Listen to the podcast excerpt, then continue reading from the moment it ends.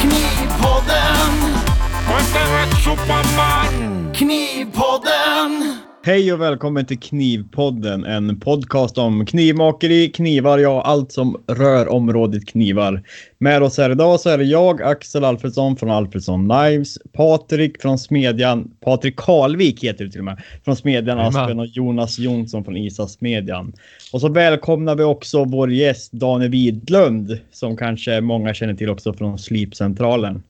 Välkommen Daniel! Tack så mycket. Tack så mycket. Hur står det till? Jo, det är bara bra tycker jag. Ja, Det finns eh, massor att göra. ja, Så att, Ja. eh, nej, för tusan. Det är, det är bara kanon. ja, vad härligt. Mm, Är det börjar lacka mot jul. Ja. Ja. Så är det ju. Det finns så mycket som helst att göra. Ja, ja vad härligt. Det är roligt. Det är så det ska vara. Ja, absolut. Men, Ja. ja. ja. Kanske ska börja med, med en liten presentation. Eh, Jag tror många knivmakare i Sverige vet, vet vem du eller Slipcentralen är. Eh, Ja, jag misstänker det. Men du får Eh, gärna då- presentera lite dig och, och även eh, Sli- Slipcentralen. Så. Eh, ja, jag- mitt namn är Daniel Widlund och jag eh, driver Slipcentralen sedan tio år tillbaka. Mm. Då jag köpte rättigheterna till eh, Håkansson-slipen. Ja, just det. Eh, Så där började vi och eh, utveckla för tio år sedan. Och sen efter det så har det ju blivit lite andra slipar och lite andra utföranden och vi har uppgraderat modellen och ja, gjort mycket nya tillbehör på önskemål ifrån våra kära knivmakare i Sverige och smeder Mm. för den delen. Mm.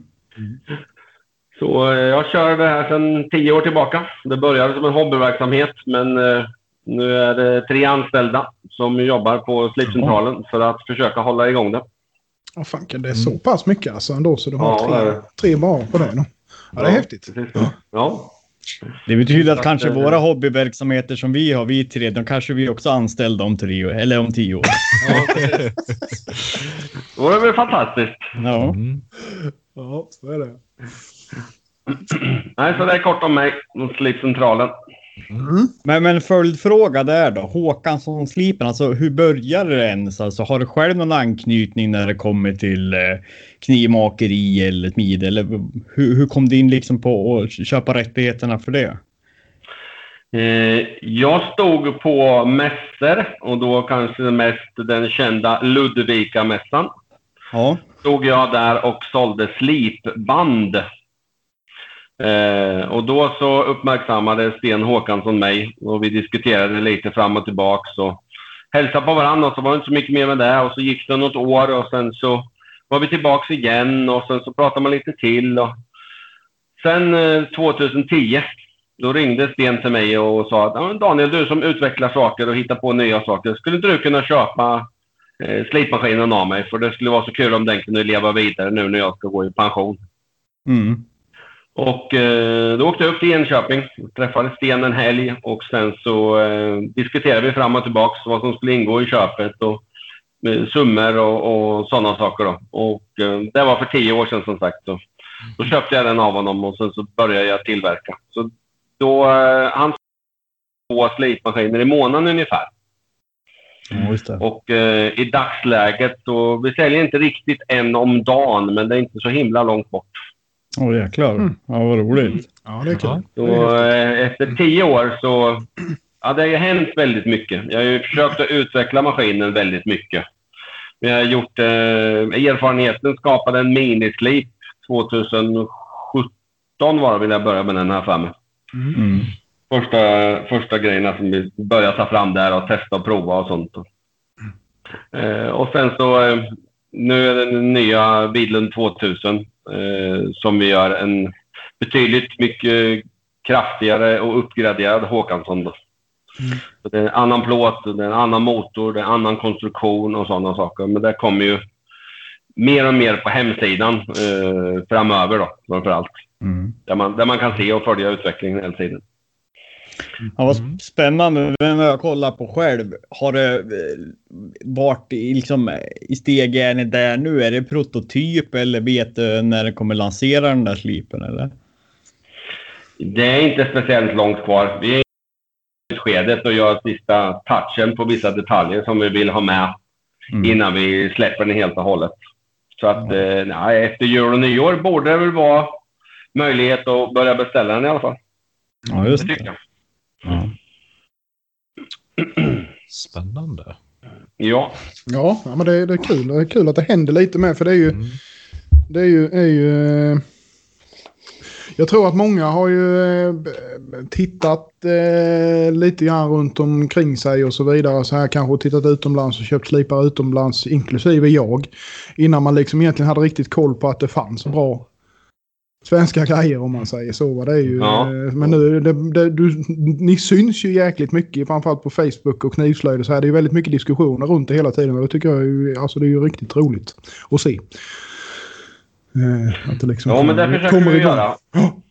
Och det är där mina, mina och slipcentralens kunder finns. Och det, är ju, Mm. det är roligt att prata med andra människor som har egna åsikter om hur saker och ting ska vara. Och, Mm. ja, går det här att fixa? Går det här att lösa? Kan man göra på det här sättet? Eller någonting sånt.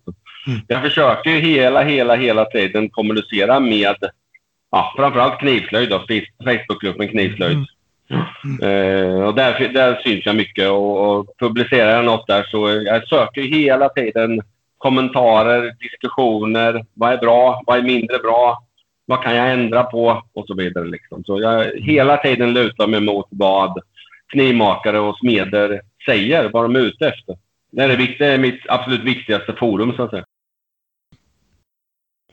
Ja, det är väl Eh, jättebra alltså.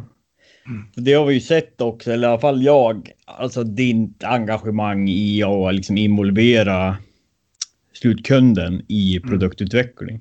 Och som Jonas var inne på, och sen är det ju också, jag menar det går inte att komma ifrån, då kan vi bara applicera på, på ja, men det vi pysslar med, alltså handgjorda knivar, så att liksom, prisbilden i Sverige blir en annan än vad den är i Polen eller i Tjeckien eller var i Kina eller vart nu det kan vara. Men nu är jag inne och jag får surra med dig sen Daniel efter via podda eller någon annan dag. Eh, men det är ju också det alltså styrkan i att ha en lokal leverantör. Eh, och speciellt framförallt som vi som jobbar med att göra knivar och använder en slip hela dagen.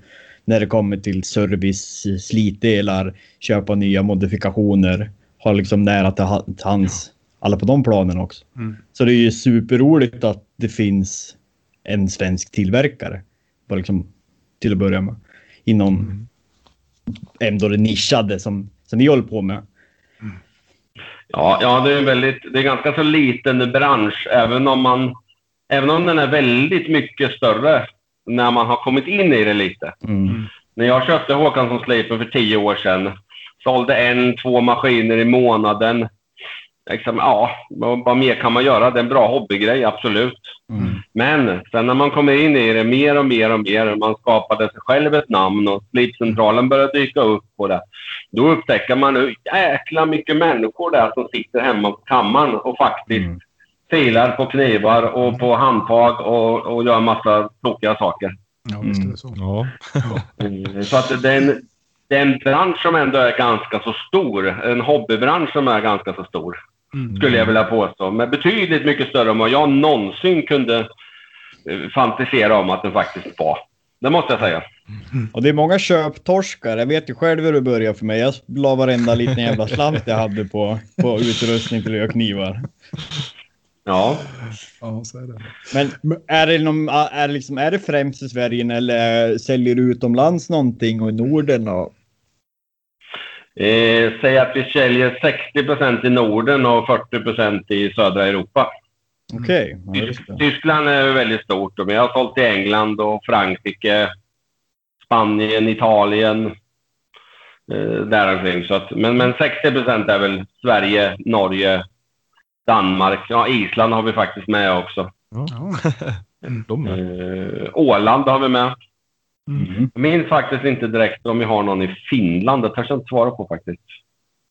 Ja, eh, får återkomma på den. Men Jaha. eh, det, väldigt mycket går ju självklart i Norden, så är det ju. Mm. Eh, Och här går det ju att skeppa eh, till en relativt eh, vettig peng också då.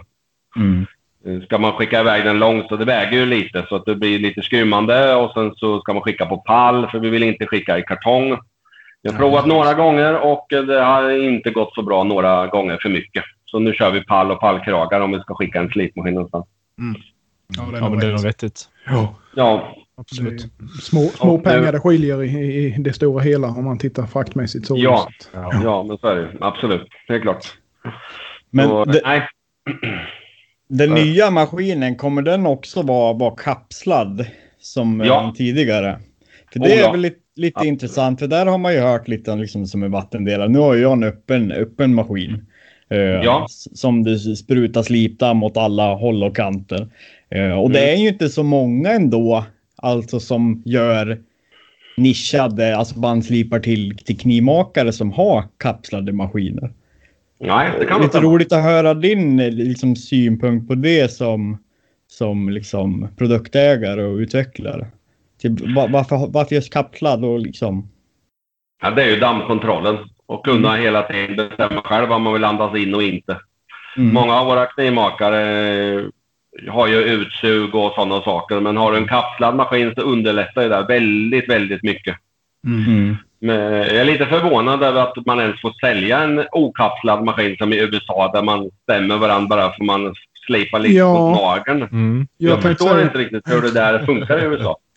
Nej, alltså det känns ju lite för alltså jag tänker lite så här med CE-märkningar och sådana grejer med. Alltså just att du har en öppen maskin där banden eh, titt så om man misshandlar det lite så kan de ju släppa och flyga åt alla håll och kanter. Va? Har du en kapslad maskin så är ju det rimligtvis säkrare än vad en öppen är också om man säger så.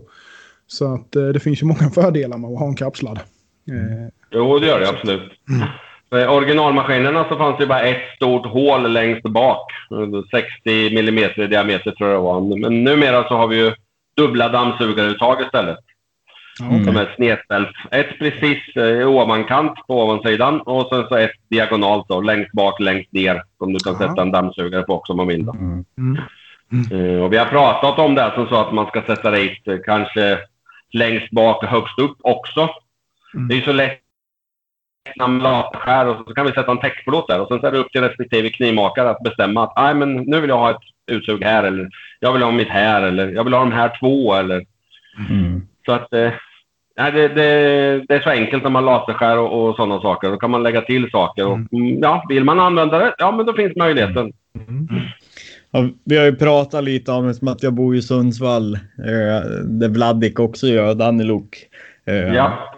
Och han har ju Håkansson slip och utsug och de är ju kapslad. Och det, det är ju Ja. liksom, det är, han har det ju kliniskt rent. Alltså det finns ju ingen slip, slipdamm i det. hans slipverk.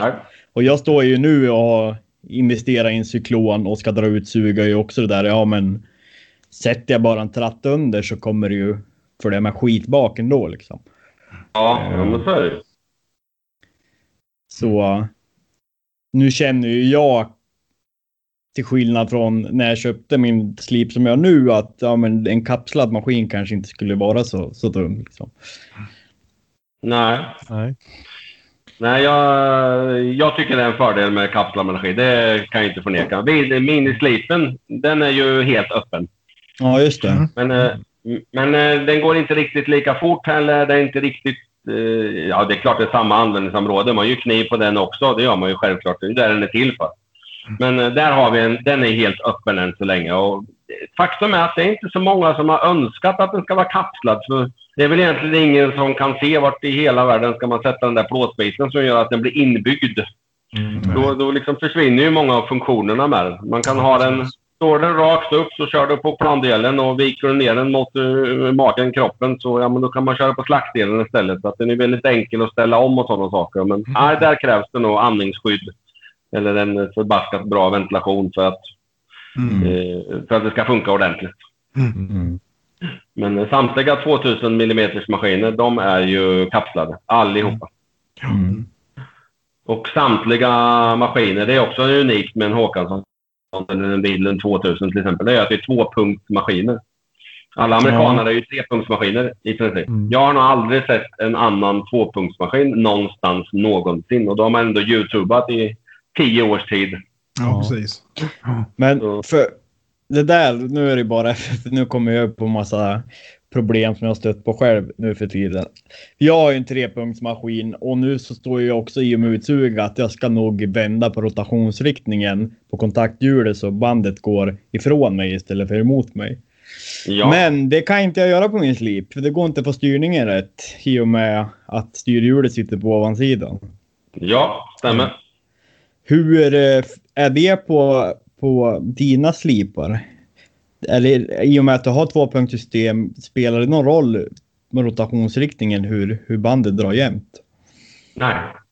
Tvåpunktsmaskin så kan du köra framåt och bakåt och välja precis hur du vill. Men det, vi har ett plus minus mellan 0,5 och 1 millimeter för att flytta sig i sidled Mm. efter en fabriksinställning.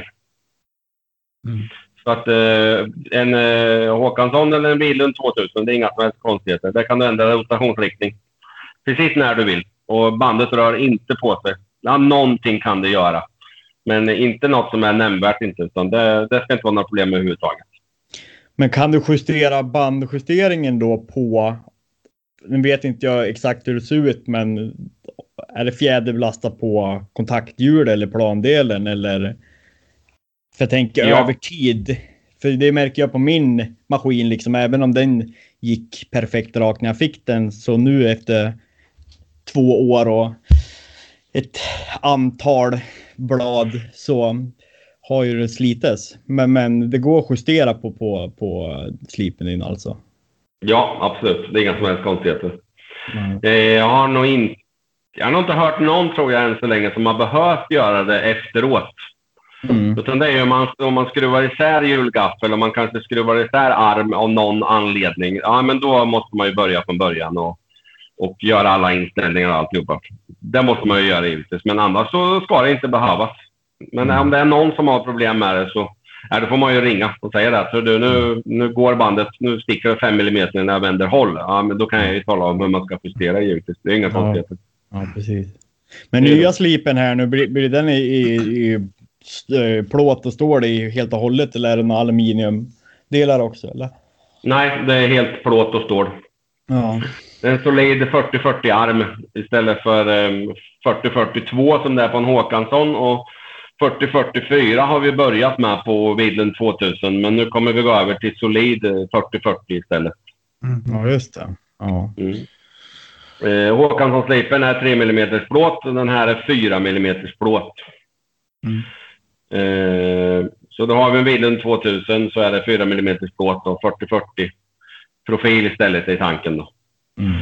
Eh, och sen så ska det vara en infästning som... Infästning kommer vara ungefär som på amerikanarna där du i princip bara har en 20 mm axel som du stoppar in i ett hål som du sen klämmer. ja, just det. Mm. Så det är helt fritt. Du har inga grejer överhuvudtaget på högersidan. Utan ställskruv och alltihopa sitter på vänstersidan. Mm. Och sen så är det helt fritt eh, att köra som sagt på, på båda sidorna. Det finns ingenting som är i vägen eller någonting sånt.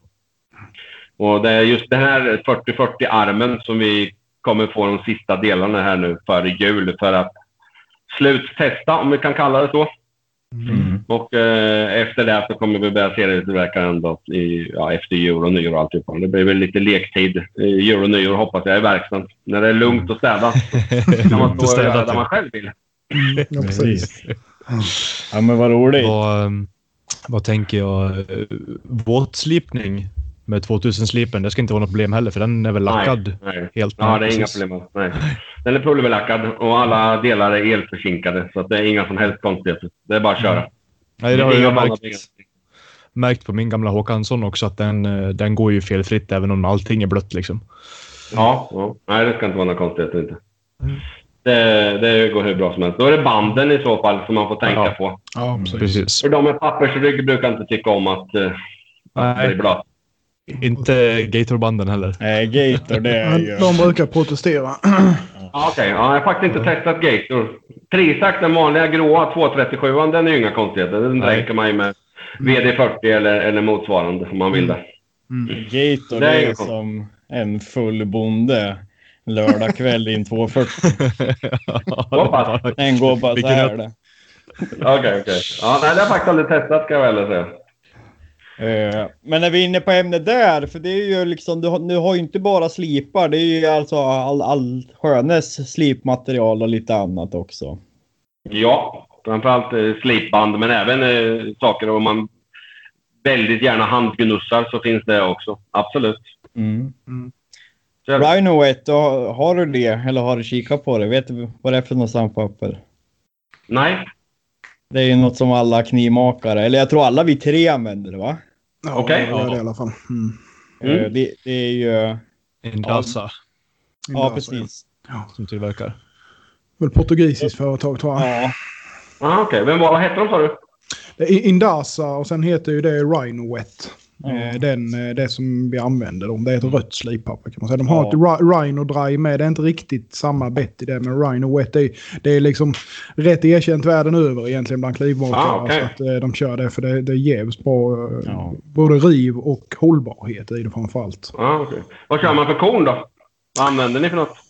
Eh, jag kör eh, som regel eh, typ 320, 500, 600 kanske. Sen 800 och uppåt upp till 2,5 ungefär. Mm, med lite ja. olika steg däremellan beroende på vad man ska göra. Ja, just det. Ja, okej. Men eh, det vore roligt med, med en svensk återkälla på det, för det, det är ju eh, i särklass det bästa sandpapper jag använt när det kommer till Ja, det måste jag med Ja, faktiskt. Nej, men det måste man ju titta på. Det är sant. Eh, ja, det är ingen produkt som jag känner till. Nej. Men eh, ja, sortimentet utvecklas ju precis hela tiden, så det är inga konstigheter. Mm. Klart vi kan titta på det. Mm. Ja, vi skickar, Sådana skickar, idéer över jag tycker vi skickar över en liten länk sen. Ja, men jag Kan du jättegärna kika vad det det. är för något? Absolut. Jajamän. Ja, vi handlar ju från hela världen, så det är inga konstigheter inte. Nej, precis. Så, nej, det kollar vi jättegärna på. Det är bara roligt att få, få tag i nya saker. Absolut. Mm. Det är klart.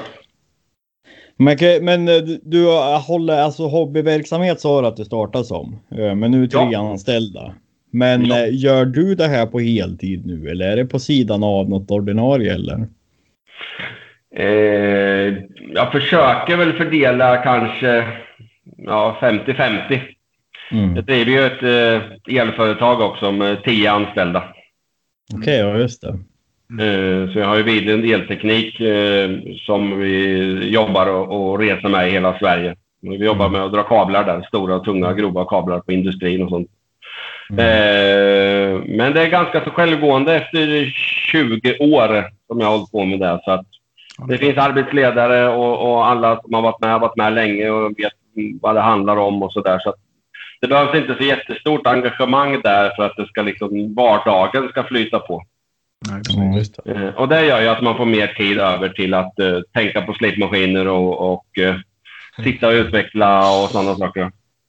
Mm.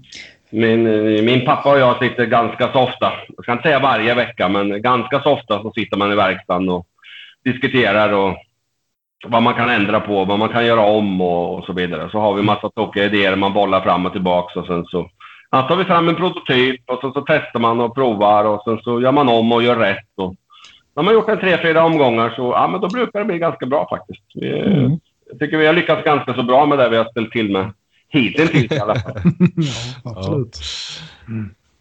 Eh, Så att, eh, nej, jag har... eh, Ja, men jag försöker väl ungefär 50-50 Mm. eh, lägga tiden på det. Men Jonas då, som är eh, ny på Slipcentralen sedan i våras. Det är han som har byggt vår nya hemsida och det är han som är ansvarig för all, alla leveranser och det är han som eh, ser till att fakturorna går iväg och ja, sådana saker. Då. Så att han är väldigt, väldigt ovärderlig eh, Mm. eh, numera. För det stod lite i ett vägskäl för något år sedan om det som sa att jag ska jag satsa så måste jag satsa ordentligt. Eh, Mm. Jag klarar inte av att driva det själv när det varit så stort.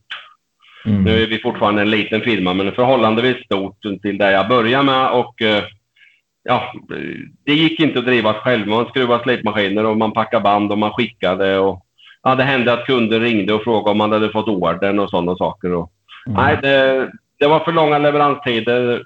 Det var för osäkra leveranser och så. Så att, nej, då tog jag beslutet att anställa. Mm. Och nu har vi leveranstider. Allt som oftast så... Ja, vi skickar antingen samma dag eller dagen efter vill jag hävda i princip uteslutande. Mm. Ja. Det eh, har blivit galet mycket bättre än eh, Jonas har kommit in i, i spelet. Mm. Så den, eh, den får jag ge Jonas till 100 procent, för där har jag ingenting att, att, säga till om, tänkte jag säga. Men, det är han som är jätteduktig på det där med, med logistiken och få iväg varorna och kolla så att vi har alltihopa. Och, Mm. Så nu, nu jobbar vi mot, eh, med dataprogram och, och hemsidan och man kan lägga order på hemsidan och, och allt. Ja, det. och det är Jonas förtjänst alltihopa. Så, nej, det funkar riktigt, riktigt bra faktiskt, det måste jag säga. Mm. Det, det var, Kul, kul när allt runt omkring börjar funka. Ja, precis. Det var verkligen en stor grej att, eh, att få det att funka ordentligt och bygga en webbbutik. Och, Mm. ja, vi försöker utveckla den hela tiden med nya detaljer och man kan uppgradera sin slipmaskin med massa nya detaljer. Och, så att, Men den är jag, ja, ja, jag har varit inne och kikat lite grann och beställt lite med vad det är. Jag tycker det är jävligt bra. Alltså det är lättöverskådligt allting och så. Ja. Eh, bra, bra, bra hemsida om man säger för just alltså gå Ja, in. Bara klicka hem grejerna om man säger. Det är väldigt enkelt. Så att, ja. eh, perfekt.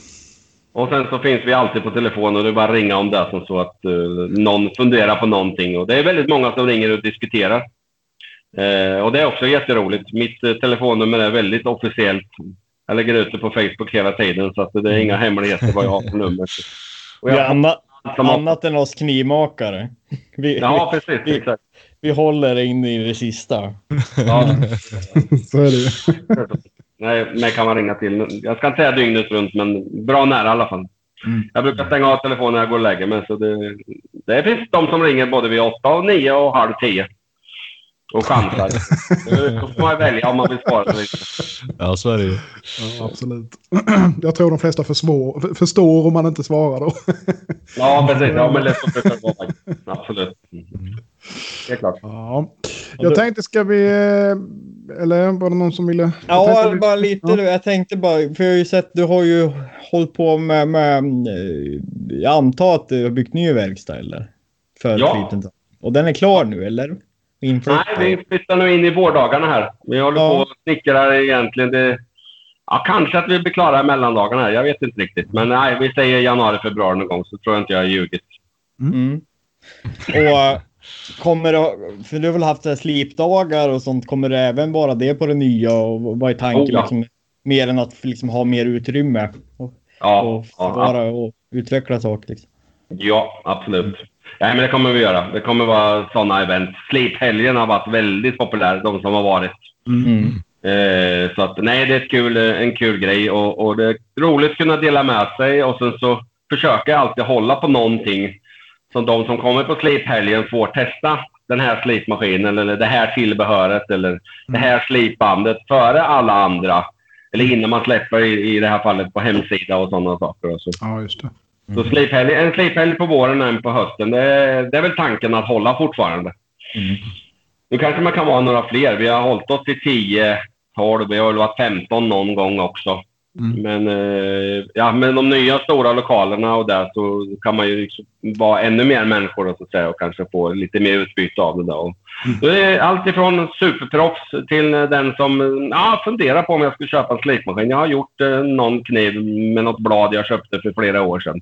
Mm. Och sen så har vi allting däremellan. Då.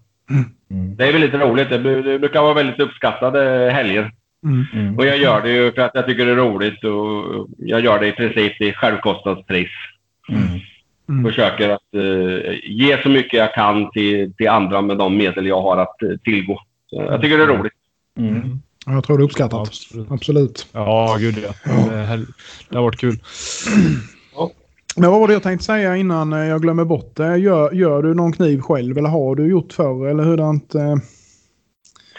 Jag skulle vilja ha mer tid att göra kniv. för Jag har väldigt mycket material som ligger. Eh, jag skulle väldigt, väldigt gärna vilja kunna göra mer kniv. Jag har gjort ett par stycken och jag har gjort lite läderslider och sådana saker. Absolut inget proffs, men visst. Det går att skära sig på den kniven också. Det gör det faktiskt. Men eh, nej, jag skulle vilja göra mer. Men eh, nej, tiden finns inte riktigt. Så är det bara. Nej, nej, så är det ju. Man ska hinna med. Eh, eh, nej, jag lutar mig väldigt mycket mot ni som är proffs och ni som kan det här. Och, ja, när jag undrar över någonting så ringer jag. eh, Jag har ju ett antal som man pratar med. Mm. Gård Bergling är en av dem som jag pratar med. Och er har jag pratat med också till, till viss del från och till när man har Mm. utvecklat saker och sådär. Ja, det kommer med idéer och så, så skickar man upp. Och, Patrik, jag vet inte om du har provat klart den där plandelen som vi skickade för ett tag sedan? Ja, nej, jag har hållit på och byggt om i verkstaden nu en hel Ja. del Ja. här på sensommaren, hösten. Men eh, det börjar bli, börjar bli igång igen nu.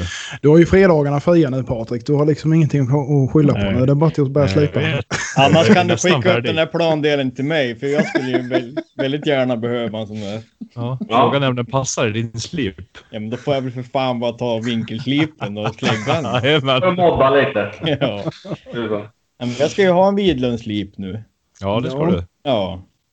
Men Du är nog inte Ja, ensam. får, jag får skicka upp en så att du får prova i alla fall. ja, det tycker jag. Låter lite trevligt. Ja. Nej, Ja. men testa och prova och se hur det funkar och så innan man eh, tar några beslut. Men så får du komma ner till Norrköping. Det går också. Ja, det är det. Det var länge sedan man var i Norrköping. alltid öppen. Och då är det ju nästan halvvägs ner till Jonas också, så då kan du lika gärna ta en roadtrip. Ja, precis. Jag är väl nästan halvvägs till dig också. Kan jag åka till dig? Ja, jag har inte långt till, till Norrköping eller? Nej. Ja, men då ses vi i Norrköping. Ja, men jag ska nog ta någon. Nu har jag ju liksom etablerat liksom vänner inom det här communityt som finns över hela landet. Så jag får nog köra landet runt här snart. Land och rike runt. Ja. Ja, och då är det bara att ta med sig. Mm. Ja, det är bara att ta med sig släpvagn. Då kan man ju få med sig en slip och hammare och skruvpress Ja, ja, och annan. Det går. Ja, nej, men det där får vi prata om Daniel. För jag, jag är som sagt ute efter en slip så vi, vi, jag får höra av mig. Mm, ja, men gör det. absolut. Ja, du måste ju testa i alla fall. Ja, men Du det det jag absolut. Jag Jonas, tänkte, ja, ja, jag tänkte, vad tänkte du? jag Ja, tänkte men- det du tänkte. Ja, du tänkte lyssna frågor typ Ja, eller? exakt. Ja, precis. Jag har ju fått in lite grann faktiskt. Så att jag tänkte vi kan väl eh, börja beta av lite grann innan klockan blir alldeles för mycket här. Vi har ändå suttit och tjatat i 45 minuter så att tiden går snabbt. Ja, det går väldigt snabbt. Vi, vi, har, vi, har, vi har fått in lite på Facebook här så jag tänkte vi drar dem rätt upp och ner. Sen eh, kanske inte alla finns svar på men ja, vi ska i alla fall ta upp dem. Ja. Eh, Christian Damm han undrar ju vilken 60 grits band då förmodar jag eh, som rules them all. Vilket är bäst i din mening? Ja, jag tror nog det är... Alltså man, om det bara är bäst som vi pratar om så eh, tror jag nog att det är 3M. Kubitron. Kubitron 3. Ja, precis. Kubitronet är nog det, är det som klarar absolut mest stryk. Det som, kan, som håller längst och man kan misshandla mest. Jag, jag tror inte... Eller jag vill påstå att det finns ingen som slår 3M och deras utvecklingsavdelning i världen. De ligger väldigt långt fram. Det ligger nog mycket i det. Mm, det tror jag faktiskt. Mest prisvärt för avverkning då, när vi ändå är på frågan? Ja. Mm. Jag kör ju väldigt mycket med Nastro, Italien. Mm. Eh, VSM eh, är också, ligger väldigt långt fram också. Så antingen Serpassen 60 kornet eller, eller VSMs eh, 870 tror jag för mig att det heter. ja, precis. Det är det den stämmer 60 nog. kornet. Mm, det är röda. Det är också väldigt, väldigt bra. Ja, Det är lite, de har det är lite tycke och smak. Mm, ja, det är klart. Så är det. Eh, det var någonting jag tänkte säga, men jag tappade det. Vi skiter i det, vi kör vidare. Eh, mitt minne. Vad, ja det här var ju en bra fråga. Den kan ju nästan vem som helst av oss svara på misstänker jag. Ja, ja, nej, det var det jag skulle säga först. Nu kom jag på det. Mhm. Eh, alltså jag tänker så här för att alla, bara vi tre här om man säger, vi kör ju nästan uteslutande eh, köksknivblad. Och jag upplever ju nästan att man, vi köttar på mer om man säger så när vi får profilerar eller eh, vad man nu gör då. Eh, kontra de som kör mycket jakt och blad och sånt här då.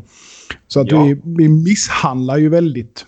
Jag gör det i alla fall. Ja, jag med. Eh, Det Ja. är väldigt mycket vassa kanter, eh, väldigt mycket tryck och så här hela tiden. Är det, det är fortfarande kubitron som gäller liksom. Det är de som är...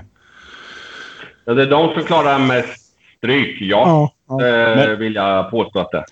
Men hur är det då? För jag menar, jag är ju på samma linje som Jonas. Alltså, sen är det ju såklart att man tänker lite slipans ekonomi också. Att jag inte bryter in eh, några vassa kanter eller faser med ett pinfärskt nytt band liksom. Men eh, hur är det på 3 Scubitron? Alltså just om det kommer med och ska bryta in en fas. För liksom på VSM eller på um, Derfors som jag kör nu så är det liksom, det skalar ju av mm. kornen. Till en viss Jo, det gör det absolut. Ja. Nej, men det, är, det skulle jag vilja påstå är ja. i princip samma för alla faktiskt. Mm. Det handlar ju alltså... Det handlar ju väldigt mycket om vad man vill ha för ekonomi. Mm. Alltså du kan få ett, eh, ett riktigt skitband och hålla jättelänge om du kör i 16, 17, 18 meter per sekund och så, så trycker du lite lagom och så vidare. Men eh, mm. många som lever på knivmakeri har inte riktigt den tiden. Då offrar man hellre ett band än att offra 10 minuter extra. Ja. Eh, så där, ja, där gäller det att hitta någon slags gyllene medelväg för vad man själv eh, tycker är värt, så att säga. Mm. Men det, det spelar inte kan... stor roll vilket band man har då. Nej, precis. Jag tänkte säga det där är ju egentligen så är ju VFD är ju ett väldigt bra hjälpmedel. Ja. För att få en bra mm. bandekonomi. Det är väl egentligen det man kan säga med. Absolut, så är det. Oh ja. Mm. Mm. Längden på bandet det kan man inte så många gånger påverka, men hastigheten kan man ju påverka. Ja, jo men precis. Jajamän. Mm. Jajamän. Ja. Ja, så är det. Vi ska gå vidare. Det var bara en liten eh, input från min sida. Anton Eriksson han frågar vad för olika steg fungerar bra för att få en fin jämn maskinfinish, alltså typ satinfinish då. Och eh, ja, jag gör ju inga maskinfinishar så att eh, jag överlämnar det. ni andra då? Hur gör ni? För att komma till satin? Mm. Jag kan väl börja med hur jag gör. Alltså, det är alltså någonstans är det att jag tänker nog inte grit. I alla fall för mig blir det fel att tänka i korn. Jag skulle säga att min finish det är en jävla smörja av allt möjligt. Men stegen är ju liksom N20 till A65 Gator. Uh, och sen är jag väldigt noga på A65. Och från ah, okay. A65 där kan ju jag gå upp till A45 om jag vill finare eller ännu högre upp. Men oftast ja. är det A65 fint Scotch Bright bälte och sen eh, korkbälte från dig faktiskt Daniel som jag är mäkta mm. imponerad över.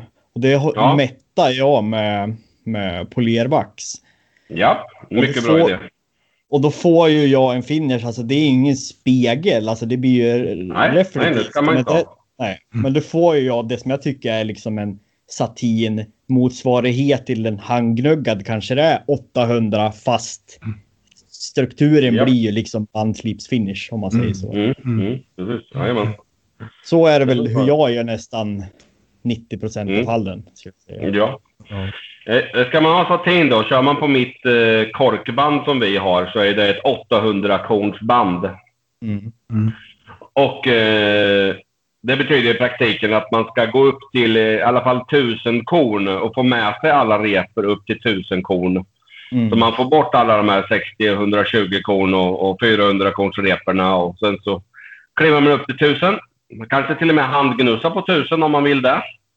Och sen så tar man korkbandet och backar ett steg då och sen så kör man det emot korkbandet på 800 korn då. Och då får man en väldigt, väldigt fin satinfinish på slipmaskin. Då. Ett väldigt, väldigt enkelt sätt.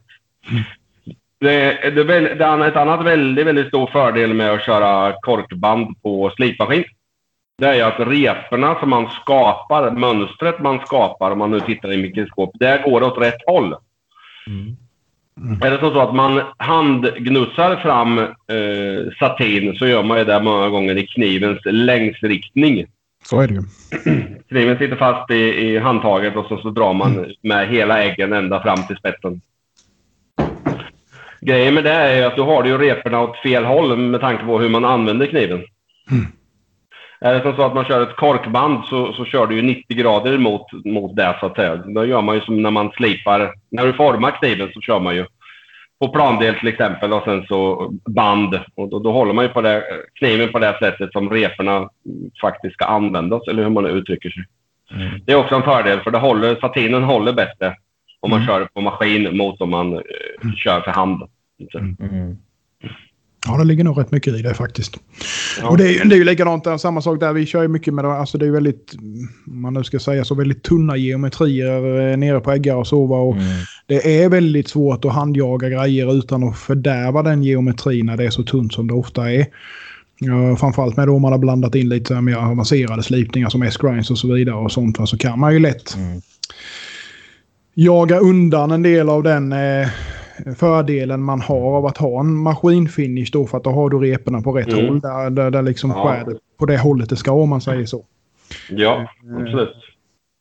Sen tycker jag personligen själv att en handgnuggad finish är finare men det är ju helt upp tycke och smak. Då är det ju därför jag gör det. Ja, det, ja, oh ja absolut. Eh, så det är ju Det är också lite, lite tid. Hur mycket tid har man? Absolut. Visst är det så. Mm. Självklart. Och hur, hur länge man vill hålla armbågar och leder. Ja, det också. Jag såg Men- ju han, eh, på tal om armbågar och leder, jag såg det han dansken, Asoberra eller vad han heter, på Instagram. Nej. Han la ju upp nu, han har ju någon, en, en maskin som handgnuggar åt honom. Mm, Ja, mm. jag har sett den där Som kan, som kan ta, ja. som Det kan kanske, det, ta skulle, alla det kanske skulle vara något för dig eh, Daniel att utveckla. Ja, hand, hand, så här, eh, handjagarmaskin. Eh, det var... Det var nog två år sedan jag gjorde en sån, tror jag. Det Alltså, är inget som finns officiellt. att jag Men det finns redan. Eh, Jag håller på till nya intestningen nu utav Vidlund 2000 så eh, kommer en sån funktion eh, finnas. ja. Ja, så att den har funnits ett par år. Den, har, den ligger liksom i byrålådan, men det finns inget bra sätt att få till det när man har hjulgaffeln som man har på en Håkansson-slip. Nej, just det. Det är svårt. Det är svårt att få till en, eh, ja, ska man säga, en, en, ja, den funktionen som han har. Jag vet vilken eh, video du pratar om. Så då har du en axel som, eh, som sitter på ett hjul som en roterande hjul skapar en framåt och bakåtrörelse. Och det är ju precis så det funkar även det jag har gjort. Men på en Håkansson så har du en hjulgaffel som är i vägen och det betyder att det går inte. Men det kommer du göra på en Widlund 2000. Mm. Spännande. Så, så den finns redan sedan ett par år tillbaka. För fan, bilen 2000, det blir ju som en Gerber det. I, i slipabonsväg. Ja, jag hoppas faktiskt det. För det, återigen så har jag ju lyssnat på vad, vad folk vill ha och vad, vad man önskar. Liksom. Och det här med att få en planslipdel till exempel. Om du sätter Mm. knivbladet på en magnet och sen så drar man det bara fram och tillbaka. Den möjligheten finns också på Midlund 2000. Mm. Med, de, eh, med den konstruktionen som vi förhoppningsvis får till och, och lyckas få igenom. Då. Så att, Mm. det, nej, det, det händer ganska mycket med den slipmaskinen. Det blir väldigt mycket som blir annorlunda Mm. mot en Håkan och sådana så att säga. Och det är väl jättebra att kunna få de tillvalen på en och samma maskin eftersom att och ska man bena ner alla de här delarna i olika maskiner så till slut blir det väldigt skrymmande. Jag menar, Ja, jag ja. har ju själv en sån planslip eh, tillbehör till min slip. Och det är Ja, ju okej. också det här Ja. med att just liksom, ja, men, ska jag ha en, en, liksom, en planslip i verkstaden eller en fräs liksom. Mm. Då, Ja. när jag höll till hemma, liksom, då fanns det inte ens utrymme. Och sen är det såklart en ekonomisk fråga också. Så ju mer Ja. man kan få in samma liksom ram i maskinen Mm. så är väl det hur bra som helst. Mm. Mm.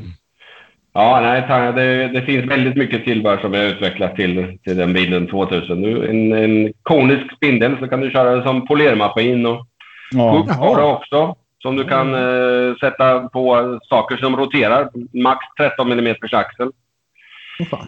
Vi har en eh, 300 mm rondell. Om du vill köra rondeller istället kan du sätta det på en liten 2000.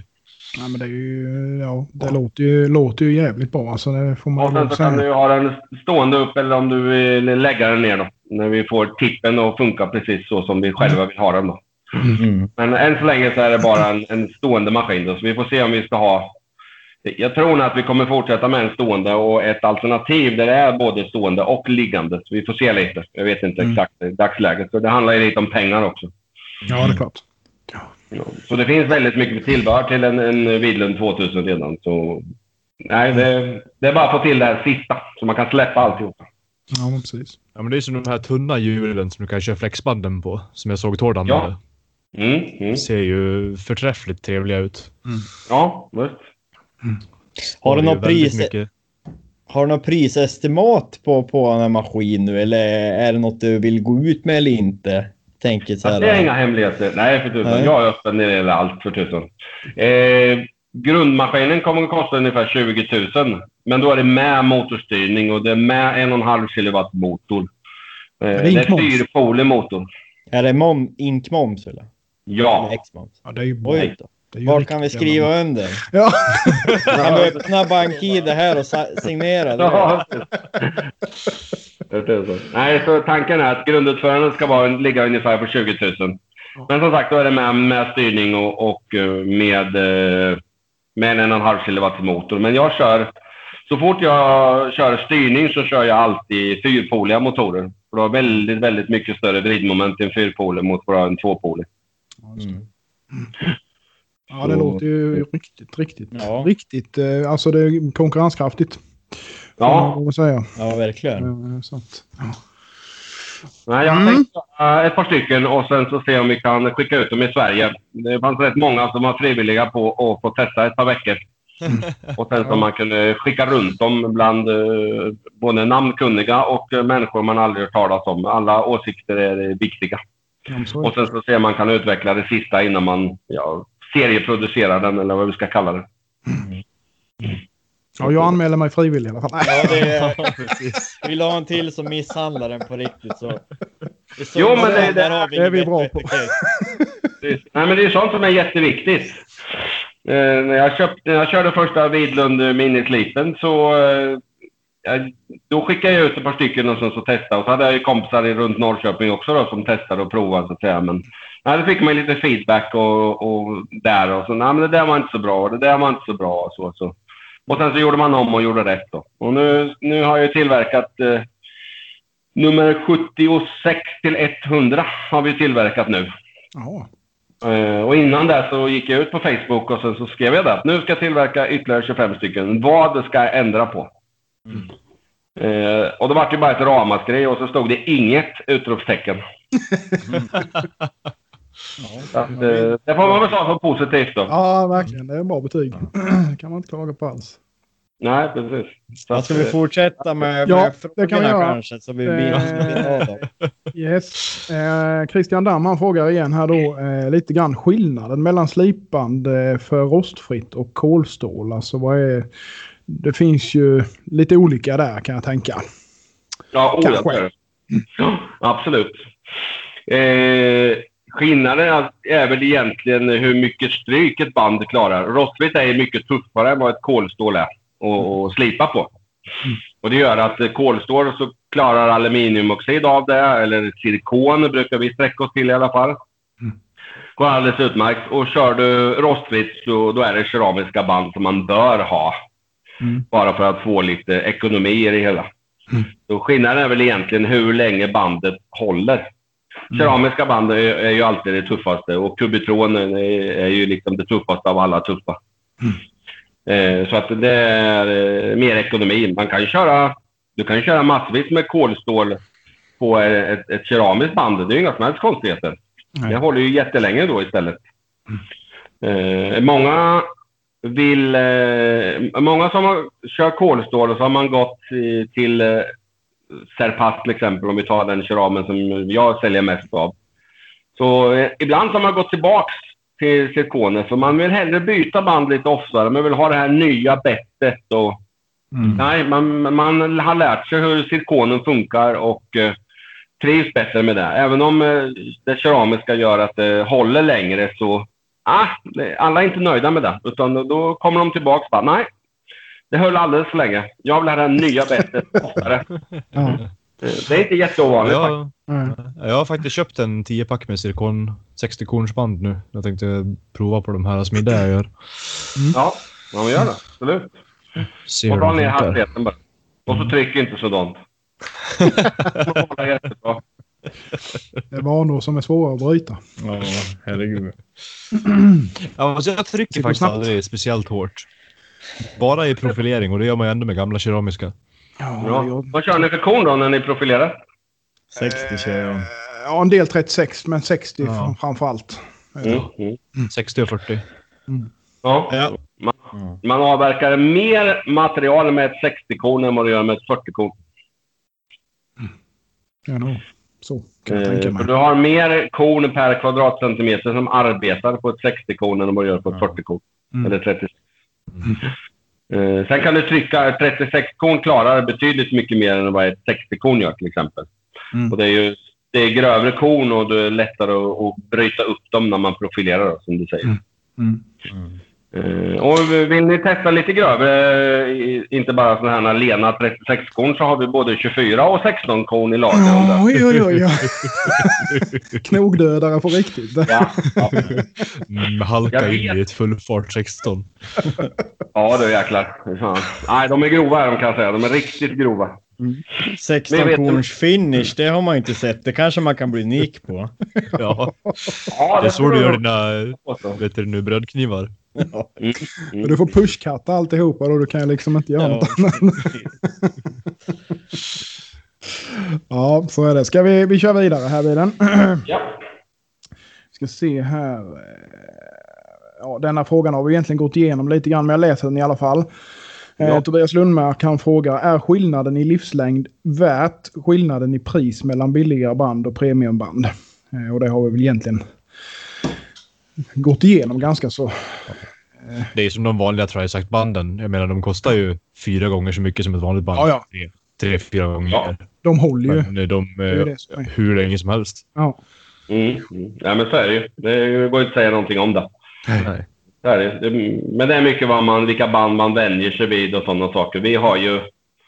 Jag vet inte vad vi har. Vi har nog över 100 olika bandkvaliteter i, på mitt lager. Över 10 000 band i lager. Ja. Hela tiden.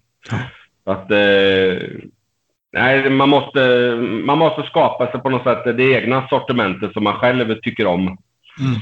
Men just 40, 36, 40, 60 och 120, där finns ju absolut bredast utbud. Mm. Vi har nog, jag vet inte, kan vi ha sex, sju olika i varje kornstorlek beroende på vad man ska göra och, och sådär. Då. Mm. Så att, eh, nej, man måste testa sig fram till vad man själv eh, tycker känns bra och, och hur länge man vill att banden ska hålla. Då, så att säga. Mm. Ja, men Mm. Ja, men vi kör vidare här eh, så vi inte fastnar. Eh, Emil Schönning han frågar faktiskt lite intressanta grejer här.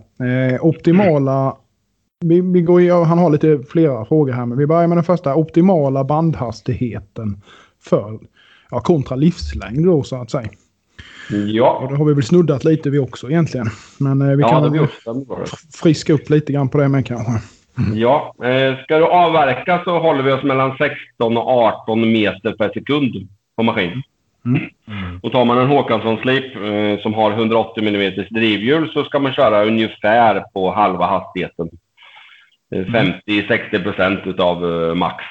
Mm. Då har du det optimala mellan avverkning, eh, hållfastighet och, och sådana saker. Mm. Sen väldigt generellt så brukar man säga att summan av hastighet och tryck ska vara konstant. Och det betyder, kör du fort så in i Norden, då får man inte trycka speciellt mycket. Sänker du hastigheten ganska ordentligt, då kan, du, eh, då kan man eh, trycka lite hårdare. Ja. Så att, eh, det är ju för att inte skapa så mycket värme. Och det är, mycket, det är många gånger värmen som har ihjäl banden då, så att säga. Så att de hinner inte kyla då. Nej, precis. Eh, så att, eh, nej, det som sagt, summan av tryck och hastighet eh, bör vara konstant. Men ja, 20-25, det går ju att köra i 30 meter per sekund också, men det är bra om man inte trycker speciellt hårt. För det, det handlar ju om att man vill ju inte... Framförallt färdning och sånt, då vill ju inte att kniven går i blått. Efter Nej, att man är klar. nej, absolut. Vill man gärna att den är blank fortfarande. Ja, ja, absolut. Visst är det så. Mm. Så att, eh, men avverkning just är 16 till 18 meter per sekund. Mm. Ungefär. Ja. Vi kör vidare. Han har två frågor här som hör ihop lite grann skulle jag vilja säga. Eh, han frågar då hur kan man inom situationstecken riva av band för att få fram färska korn och vad orsakar glasning av banden och går det att rädda? Ja. Eh, om vi går på glasningen först så handlar det om att det är framförallt 36 och 40 korn skulle jag vilja påstå. Det är inte så ofta det händer med 60 korn, men det handlar om att kornen smälter före det att man bryter av dem. Mm. För både 40 och 36 korn är ju, är ju brytande korn, så att säga. För där ska man ju trycka ganska så hårt. Det är jättebra band att forma med. För då har du en väldigt liten yta, väldigt få kvadratmillimeter som man trycker emot bandet. Mm. Och- då så bryter man av, eh, bryter man upp nya korn hela tiden när man trycker. Och det är jättebra. Skulle man sen ställa kökskniven på, på kant så att säga, så att man slipar på, på sidorna. Då har du alldeles för litet tryck per kvadratcentimeter för att bryta upp nya korn. Och då så smälter kornen istället på grund av värmen och då så glasar bandet, säger man. Och då eh, ser bandet jättegrovt ut och det tar ingenting överhuvudtaget. Nej. Och eh, om man har ett, ett band som har glasat, då tar du i princip vad som helst i metall och sen så trycker du ganska så kraftigt emot bandet. Och då kan du öppna upp bandet igen. Då bryter du bort de här kornen som har glasat. Och då så får du fram nya fina fräscha korn. Men det handlar om att man klarar inte av att trycka så hårt per kvadratcentimeter som bandet kräver för att det ska bli nytt och fräscht hela tiden så att säga. Ja, just det. Ja, just det. Det är det som är grejen med att ett band glasar. Mm. Mm. Så det är därför som jag alltid rekommenderar att ska du profilera, ja men det kan du göra på ett 40-korn. Men ställ inte kniven på högkant och sen så tryck in hela bladet i ett 40-kornsband för då glasar bandet. Mm. Och sen så blir det ju dessutom några djävulska repor på ett 40-korn också. Ja, det blir det Det blir Och, det. och någon är det som ska ta hand om de här reporna framöver också. så att det är därför så 60-korn när man börjar och, och köra sidorna åtminstone. Ja. Om man inte är väldigt säker på vad man gör förstås. Mm. Så, så, så är det när det glasar. Då tar man en, en stålbit av något slag. Spelar ingen roll vad det var. kan vara bondjärn eller någonting. Men trycker ganska ordentligt. Och sen så, eh, så får man bort det här, de kornen som har glasat och sånt där. Så får man fram nya fräscha. Så är det bara att köra igen. Ja. ja, men det var bara bra svar på frågan. Det är faktiskt eh, nog precis det han ville veta. Tror jag. eh, vi kör vidare här. Björn Ljungström frågar. Eh, finns det några planer på en modell med vattenkylning? Tänker då att det blir mindre risker med att påverka härdning negativt vid slipning av färdiga blad. Jag tänker att det även blir mindre slipdamm. Ja, det har vi också varit inne på. Vattenstyrning kan du köra. Eh, har du en mist till exempel, eller en en del kör till exempel med en 25 liters dunk och sen en slang och en liten tappkran så det bara droppar. Det går alldeles utmärkt. kan man göra redan idag. Mm. Jag har inte tänkt att skapa en, en maskin som bandet går i vatten eh, konstant. Det har jag inga planer på faktiskt. Utan eh, kör det med motorstyrning, då kan man köra så pass långsamt som det krävs om du ska ha en mist eller om man ska ha ja, droppande vatten då till exempel. Mm. Eh, det kan man göra. Men eh, och det är som sagt, det är mer vad banden klarar än vad slipmaskinen klarar. Ja, just det. Mm. Så att, eh, nej, det är inga konstigheter. Det är bara att köra. Det är bara att tänka på när man hänger upp bandet att man gärna hänger det med en tyngd längst ner. Annars blir det så krulligt när man kommer ut dagen efter. när det har torkat. Ja, så är det ju klart. ja. Nej, men- Men inte någon specifik slipmaskin för vatten, med vattenkylning. Det har jag inte tänkt göra. Inte i dagsläget i alla fall. Det är aldrig någon som har frågat förut. faktiskt. Nej. Men det är ra- rätt som man säger. Det blir ju även mycket mindre slipdamm och sådana saker. Så många kör ju med eh, vatten just av den anledningen. Mm. Att det blir mindre, mindre damm och framförallt efter härdning och sånt. Så att Mm. Björn är helt rätt på hur han tänker. Absolut. Mm. Men eh, det räcker gott med en eh, dunk och en liten slang och sen så en liten ventil bara så att det droppar bara. Det, det. men tänk på motorstyrningen, annars blir man prickig. Inte full fart med vatten. Nej, det är klart. Så är det ju. Ja, eh, men vi kör vidare här i rask takt helt enkelt. Eh, vi, då ska vi se, Karl- Karl-Erik Lindblad frågar hur kommer vi förbi det tråkiga fenomenet ojämna band som oscillerar i sidled och gör planschslipning i princip omöjlig? Ja. Köp kvalitet. ja. Eh, det är upp till slipbandstillverkaren. Mm. Och bestämma det, tänkte jag säga. Mm. Det är nämligen så att samtliga band i princip tillverkas två meter breda. Mm. Och rullarna kan vara eh, nästan en kilometer långa när man tillverkar dem. Eh, ju smalare band man har, desto närmare mitten ska man vara. Är det så, att man har ett band, en en smalband som vi jobbar med, 50 mm bredd, som eh, är taget ute i kanterna, så är de så pass, eh, hur ska man säga, de dras på så felaktigt sätt så att man, man får eh, att de går Ja, man får den som, som Karl-Erik säger, att det blir omöjligt. De, de wobblar i sidled. Och det handlar om att de, är, att de blir diagonalskurna, kallas det. När man eh, har slipband, eller tar slipband som ligger för långt ut på den här två meters rullen. Utan det krävs att man tar bandmaterial i mitten av rullen för att få väldigt raka och fina band. Jaha. Eh, Så att det beror på vart, vart på rullen som du använder för att göra. Och är det så att du har band som är 300 mm breda till exempel, då är det ganska så okänsligt vart man tar dem. Då kan du nästan ta dem vart som helst. Då. Det finns ju band som är en meter och 1,20 och 1,50 och sådär. Så att det är inga, det, det, sånt är inga konstigheter inte. Nej, Det är sådana man Då- kan då är sätta det på ju- eh, här spring... Vad heter det? Löp, löpband. Löpband, Ja, det har vi ju sett. Ja, ja, den var fin. Den med 16 korn så du får bra grepp. Ja, precis. Du får inte snubbla eller någonting då. Nej. Då blir det jobbigt. Mm. Nej, så det, det är faktiskt upp till eh, slipbandstillverkaren. Som, som slutkund kan man inte göra någonting åt det. Utan eh, det är lite eh, kännetecken på vilken kvalitet man har på sina band. Och vad man väljer och vart man, ja, ska man säga, riskerar att- att att ta banden då, så att. Ibland går det ju självklart. Det är ju inte sagt att det går åt skogen bara för att man tar sista halvmetern längst ut till höger eller vänster. Det, det är det ju inte. Men att eh, det är grundtanken är det att man måste hålla sig i mitten om det är som så att det är smala band. Annars så, så får man dem att wobbla. Ja, just det. Så är det. Mm. Ja, men vad bra. Eh, nu ska vi se här. Eh, denna har du nog redan svarat på tror jag, men vi tar den ändå. Eh, för att det är ju för podden med såklart. Karl-Erik Lindblad frågar ju då igen. Är den nya plandelen med centrerad infästning släppt på hemsidan ännu?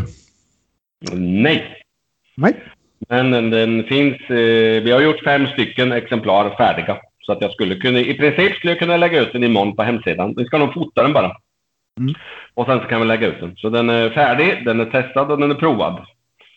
Och det är också en eh, Tord Berling som eh, är pappa till det här kravet så att säga. Att han inte vill ha massa skit på sidorna. Nej. Nej, men det är, det, det är nog inte... Det är, det är en bra tanke faktiskt. Det är ju, eh, ofta, framförallt med, när man håller på med långa grejer som en Tord gör och som även vi gör, då är det, vill du ha det fritt på sidorna för att inte, du Ja. ska liksom kunna jobba på alla håll och kanter utan att Ja. du tar i någonstans så att säga. Mm. Eh, Våran smed Magnus Jönsson var den som Mm. Påtalade första gången och sa att kan du inte kan du inte dra ut hjulen lite så att det är lite bättre på vänster sida i alla fall. Då. Och då Mm. så gjorde jag det och då plockade jag ut den så det var tre centimeter tror jag som man kunde gå runt hörnet på vänstersidan om man nu kallar det så, då, runt kanten. ja, just Eh, det. och det är många som tyckte det har varit väldigt mycket bättre. Men eh, Tord, eh, ni vet ju hur han är. Han, han fortsatte att gnälla. Så att då fick jag göra om och göra rätt helt och hållet. Så att nu finns det ingenting på sidorna överhuvudtaget. Så jag tycker den har varit bra faktiskt. Den, eh, den funkar jäkligt bra. Och sen så eh, kan man vinkla den då. Och eh, självklart kan du ha den spikrakt, men sen så kan du lägga den ner åt olika håll också. Om du vill lägga den framåt eller bakåt eller hur man nu vill använda den. Mm. Så att den finns. Den är färdig och ja, det är bara att ta lite bilder och lägga upp den på hemsidan, precis som ni säger. Mm. Det går att lösa. Mm. Toppen. Mm. Eh, det var väl det vi hade frågorväg. Vi har fått in lite andra frågor med, men det har väl egentligen inte riktigt med saken att göra. Så tänker vi spara lite på dem. Mm. Ja, vi fick ju en på Instagram också från Theodor the Maker, men det har vi ju egentligen besvarat och det var ju Ja. egentligen vad som fick det börja bygga slipar och längd har hållit på. Eh, Och det har vi ju berättat och sådär. Ja. Precis. Mm. Ja. Är det någonting du känner Daniel att du vill lyfta upp nu när du är i podden eller något som eh, du skulle vilja belysa? Nej, det är väl någonting, som är ganska vanligt förekommande är ju det här med korn. Människor eh, pratar om att det är 60 korn och det är 120 korn och ja, det finns ju ända upp, vi har ju band ända upp till 5000 korn. Och det är nog den absolut vanligaste missuppfattningen vad det står för. Mm. Alltså 60 korn, då är det 60 korn per kvadratcentimeter på ett band. Tror ju väldigt många. Det är Ja, det trodde helt jag. fel. Ja, det är helt galet. Då är det så här, i fabrikerna så, så eh, siktar man ju kornen. Du har ju en stor jättepåse med mängder med korn i. Aha. Och då är det som så att den här sikten som man skakar, som man hade i sandlådan när man var liten. Mm. Så eh, var ju stora stenarna stannade kvar och lilla sanden rann igenom. Mm. Det är precis samma sak när man gör slipkorn. Och 60 korn och 120 korn och alla andra korn också för den delen. Det handlar om hur många hål det är i sikten per kvadrattum. Aha. Och det är en väldigt, väldigt vanlig missuppfattning vad 60 korn är. Att det har, egentligen, det har egentligen ingenting med bandet att göra överhuvudtaget. Nej. Utan det har med de här sikten, när man, när man ska få fram kornen, Mm. så har det att göra med hur, hur många hål det är per kvadrattum. Mm. Eh, det. det. är väl en sån grej som väldigt många tror att det är per Mm. kvadratcentimeter eftersom vi är i Sverige, men så är det inte. Så egentligen kan man ha eh, eh, liksom eh, slätstruket eh, 50 gånger 2000 band med fem korn på som är 60 korn och kalla det 60 korn. Ja, just det. Precis. Ja, precis. Ja, nej, men det tror jag nog de flesta an, har, alltså antar. Ja, det tror jag också. För det är, det är det enda jag har hört i, i alla mina tio år, så att säga. Så, så Mm. tror man att det handlar om hur många korn det är på ett, på ett band. Liksom. Men det har ingenting med det att göra egentligen överhuvudtaget. Nej. Det är väl där som, eh, som Trisact och de här banden är skrivna rätt va? För de står väl i, Ja. i I per tum. A16 och A30 och sådana saker. Och det, A-siffran, det är hur många my RA-värdet är på reporna när man slipar. Ja, precis. Och det är väl egentligen, ja, kan man säga, det korrekta sättet. För det är ju det som talar om hur eh, repigt det blir eller vilken typ av finish man får och sådana saker. Så att, Ja, ja, det är inte... Det är, det är väl kanske det mest sanningsenliga, fast eh, människor tycker det är jättekonstigt. A16, ja, men vad är det för något? då bara? Eller A45, eller nej, vad- hur många korn är det vill jag veta. Ja. Det är det, det, är det vanliga. Man har ju en eh, omsättningstabell på verkstaden. Ja, precis. Ja, man, så man, inte, så man går åt rätt håll när man ska byta band. Ja, precis. Ja, så är det ju. Ja, jag, jag, har faktiskt en liten fråga jag tänkte jag skulle ta upp med. Ja. Och det är, blir det något nytt knivexpo? Oh ja, absolut. Mm. Eh, det blir det definitivt. Eh, det ska vi köra och det är någonting som jag kommer köra, jag ska inte säga för all framtid, men nästan.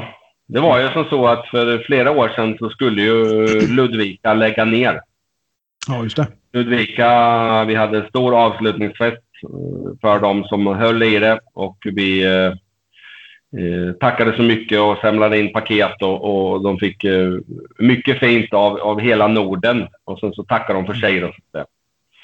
Eh, och då åkte jag hem till Norrköping och sa till min kommun att nu ska vi köra knivexpo i Norrköping från och med nästa år. Ja, vad kul tyckte de. Och då så drog vi igång det hela. Men sen så visade det sig att eh, Ludvika kommun insåg hur galet mycket pengar de egentligen tjänade på den där veckan. Så att då fick de helt plötsligt lite stöttning och sådana saker för att fortsätta med Ludvika-veckan.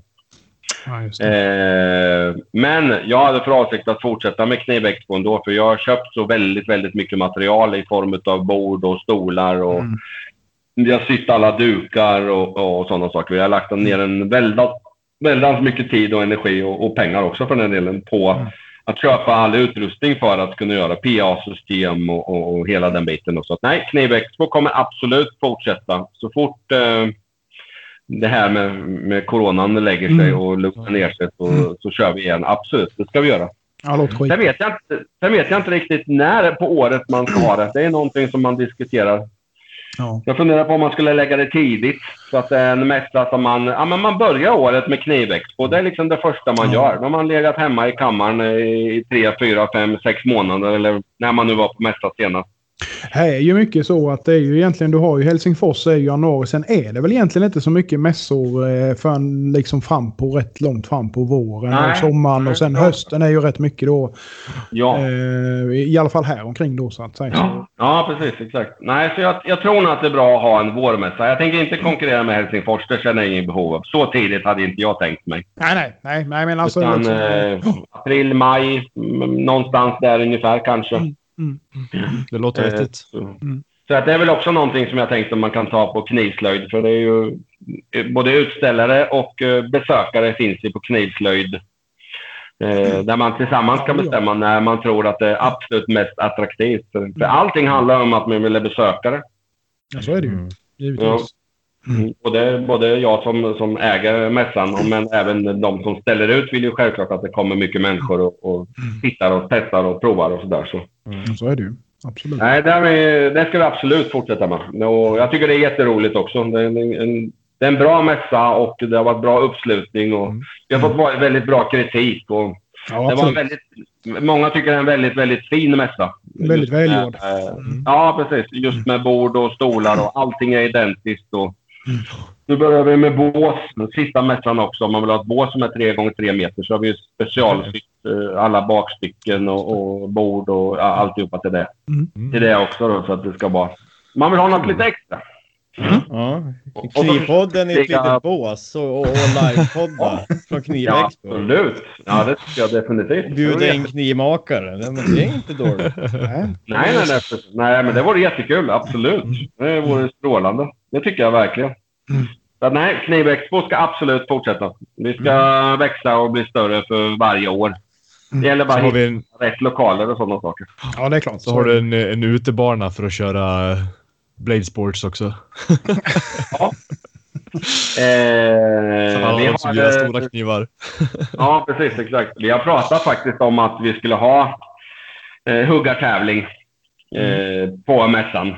Jag tror det är en, eh, en grej som också drar folk och sen så är det ju eh, någonting... Ja, det är inte nytt där ju inte, men det, det var ju rätt länge sedan som det var någonting i Sverige i den genren så att säga. Ja, verkligen. Och sen vilken form man ska göra det om, man ska stå för bladet själv eller om eh, Knivexpo så har du fem olika blad man får välja på eller ja, sånt där. Det där är detaljer, det har vi inte diskuterat faktiskt. Mm. Men jag, ty- jag tycker idén är väldigt rolig. Mm. Eh, Jag tror det kan också dra, dra lite folk också tror jag. Ja, definitivt. Absolut. Det tror jag med. Och ni två har ju chipperstål som är på väg till er. Jajamän. Och Sandviks Jag har det. flaggskepp. Jag har en stång med chipperstål som, som Seved var förbi med som jag ska smida ner. Den är fan i mig, jag tror den är nästan 3 centimeter tjock och 1,20 lång. Gammalt. Ja. Ja, så är det. Ja, ni andra då? Har ni några funderingar? Ja, jag har en, en liksom privat fundering. Men det, är också, det känns som att man får begränsa sina privata frågor till vad man går och lyssna på. Men jag klämmer in den ändå. Uh, Ja. kon kontakthjul nu då, till bilen 2000. Eh, vad är det Ja. största kontakthjulet som går att köpa? 350 millimeter. Ja. Om man vill ha 500 millimeter då är det bara... Då har du en sån eh, radioplandel med Ja, vattenkylning. det var, ja, precis. Då får du ta en radioplandel. Jag klarar av att leverera 450 millimeter, det största hjulet jag har på mina 450-maskiner. Ja, hur, Eh, på- men till Vidlund 2000 då är det 350 som blir största. Ja, stämmer. För, Räfflat också eller? Vad sa du? Räfflat gummering eller Ja, det, ja, det spelar ingen roll. Det får man bestämma. Flätt eller räfflat. Ja. Du får komma ner och testa en vanlig 450 eh, och se om du tycker att det funkar. Ja. Men eh, det blir en sån väldigt annorlunda maskin om du ska upp med den så högt. För stor del av hjulet är ju liksom inne i maskinen då. Bara för att 2000 mm banden fortfarande ska räcka. Det är lite det som är grejen också. Mm, exakt. Jo, det förstår jag ju. Ja, men 350, det... Jag har ju 300 nu. Ja. Ja. Mycket vill ha mer. Så det... ja. eh, nej, jag ser inget, man, inget behov för eh, större hjul än 350 alltså. Det, ja, jag skulle tycka... Jag ser det, men det, det kan vi ta i ett annat avsnitt. Nej, men många, det här med att, att sätta en radio på plandel är också någonting som vi har funderat på väldigt länge också.